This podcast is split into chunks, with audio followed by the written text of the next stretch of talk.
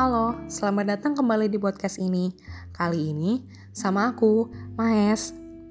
Hari ini kita bakal battle antara Canva versus Adobe Illustrator.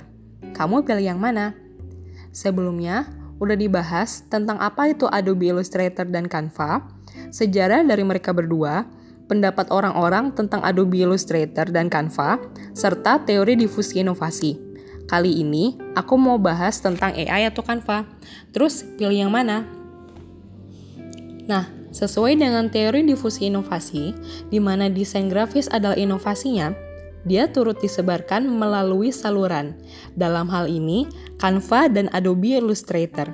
Kemudian, inovasi-inovasi desain ini akan menyerap ke dalam masyarakat.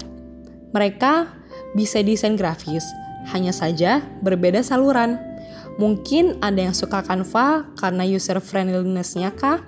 Atau Adobe Illustrator yang diciptakan untuk memberi kebebasan pada pelaku inovasi untuk berkreasi. Jadi, dengan hadirnya Canva, ia bisa membawa kemudahan dan kesempatan baru bagi orang-orang yang sebelumnya gak pernah menyentuh dunia desain grafis.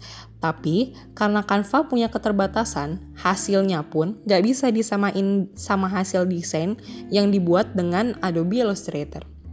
Artinya, desain-desainer yang skillful yang menggunakan media-media seperti AI, Photoshop, atau Corel, mereka bakal tetap dibutuhkan. Saran aja nih, bagi yang berniat buat jadi desainer, khususnya yang buat logo atau desain kebutuhan bisnis, kamu butuh banget buat belajar AI.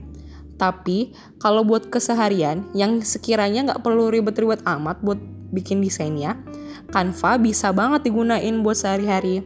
Kesimpulannya adalah, tergantung tujuan kamu, Canva dan AI, dua-duanya saling melengkapi bagi kekasih kok. Sekian podcast dari kami, terima kasih sudah mendengarkan.